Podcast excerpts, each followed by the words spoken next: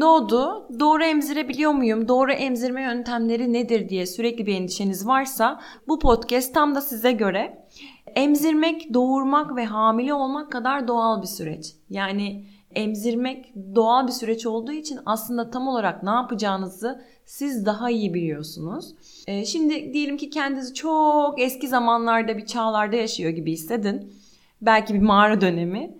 Çok abarttım ama hani orada internet yok, bilgi yok. Ancak yan mağaradaki komşunuz olabilir. Belki ondan hani o da doğum yaptıysa bilgi alabilirsiniz. Yani emzirme hakkında hiçbir bilgi alamadığınızı düşünün.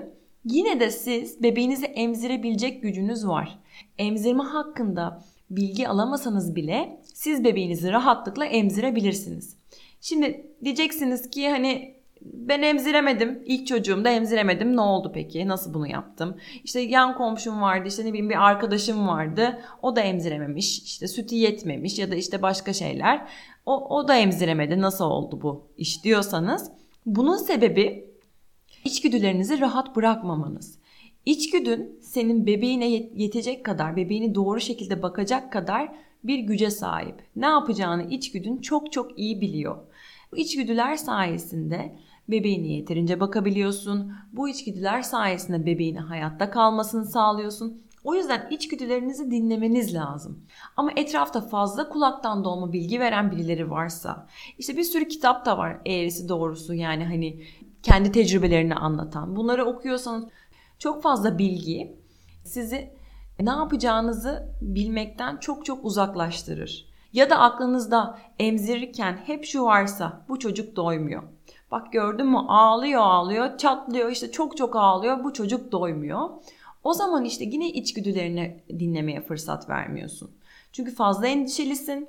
Bebek mesela karnı için bile ağlasa, ağlama krizine girse senin için kesinlikle bebek doymuyordur. Yani fiziksel başka bir durumu bile olsa eğer bu doymuyor ile ilgili endişen varsa hep senin için bebek doymuyordur.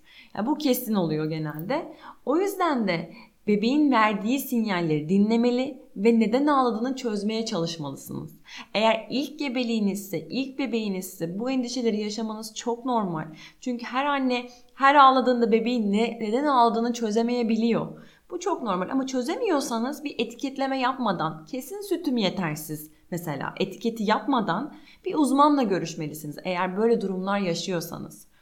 Ama içgüdülerini dinlersen, bebeğin sinyallerini anlamaya çalışırsan, etiketleme yapmazsan, endişelerin varsa bunları aza indirirsen o zaman daha doğru emzirebiliyorsun.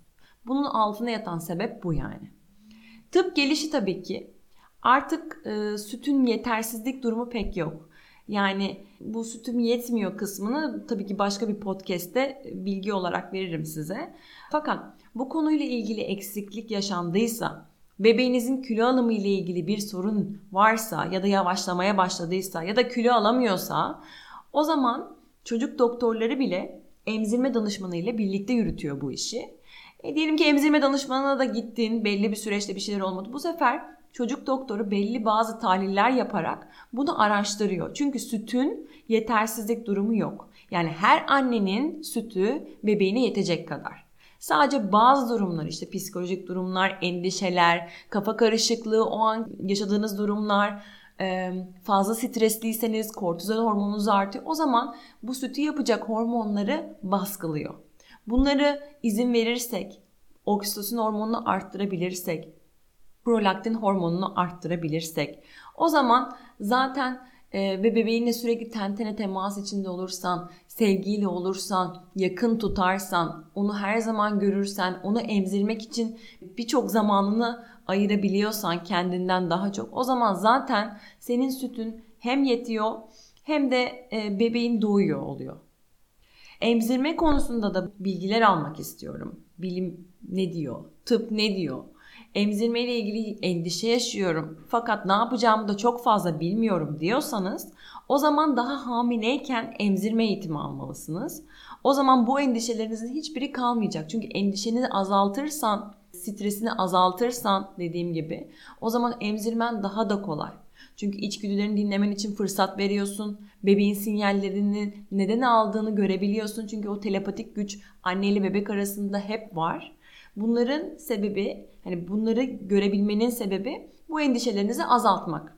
O zaman daha hamileyken diye altını çiziyorum. Emzirme eğitimine katılmalısınız. Teşekkür ederim.